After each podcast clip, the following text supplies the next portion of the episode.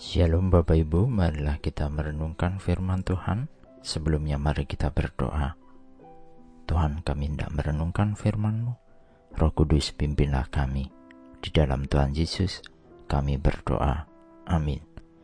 Bacaan saat ini diambil dari Matius 5 ayat 8. Matius 5 ayat 8. Berbahagialah orang yang suci hatinya, karena mereka akan melihat Allah. Kemurnian adalah kualitas tanpa cacat atau murni, terbebas dari benda asing atau pencemar. Air murni adalah air yang terbebas dari zat-zat lain. Emas murni adalah emas yang mengalami pemurnian sedemikian rupa sehingga semua kotoran dibuang.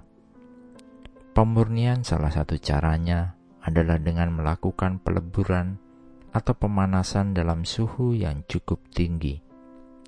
Demikian juga kehidupan yang murni adalah kehidupan di mana dosa tidak lagi menentukan pilihan yang dibuat oleh seseorang, hidup yang terbebas dari pencemar. Bacaan saat ini adalah bagian dari khotbah di bukit yang disampaikan Tuhan Yesus kepada banyak orang. Di sana Tuhan menyampaikan tentang hati yang suci Makna hati yang suci memiliki arti bersih, tidak bercacat, dan tidak ternoda dari segala kesalahan. Tuhan juga menyampaikan, hanya yang memiliki hati yang terbebas dari hal yang mencemari yang dapat melihat Allah. Kemurnian hati bukan dari hasil upaya kita manusia karena manusia tidaklah pernah memiliki kemurnian hati dalam hidup di dunia yang penuh cemar ini.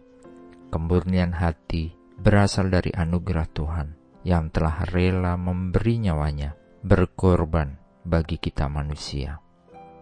Peleburan yang Tuhan lakukan adalah ketika Tuhan menjadi manusia dan telah memisahkan kita dari dosa yang mencemari Bagian dari kemurnian yang Tuhan lihat pada diri manusia adalah hati kita.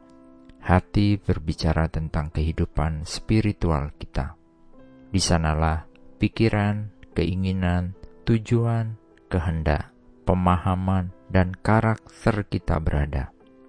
Menjadi murni dalam hati berarti tidak bercela antara tindakan atau perilaku dan dalam pikiran kita menjadi murni hati berarti memiliki persekutuan hati kepada Tuhan. Hati yang murni tidak memiliki kemunafikan, tidak ada tipu daya, dan tidak ada motif tersembunyi. Hati yang murni ditandai dengan keinginan untuk menyenangkan Tuhan dalam segala hal. Satu-satunya cara kita untuk dapat benar-benar murni hati adalah kita mau memberikan hidup kepada Tuhan Yesus dan meminta Tuhan membersihkan hati kita untuk terus dimurnikan.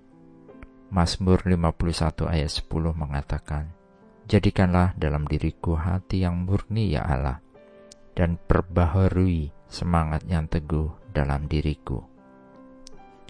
Hanya Tuhanlah yang membuat hati kita murni melalui karya pengudusannya dalam hidup kita Maukah kita terus dimurnikan oleh Tuhan sehingga kita dapat melihat Allah? Amin. Mari kita berdoa. Bapa Surgawi, terima kasih karena hatiku Tuhan telah bersihkan dari dosa melalui iman kepada Tuhan Yesus Kristus, Allah dan Juru Selamat kami. Bukalah mata hati kami untuk kami bisa melihat lebih banyak kasih karunia Tuhan dan Kiranya Tuhan terus memurnikan hati kami dari cemar dunia.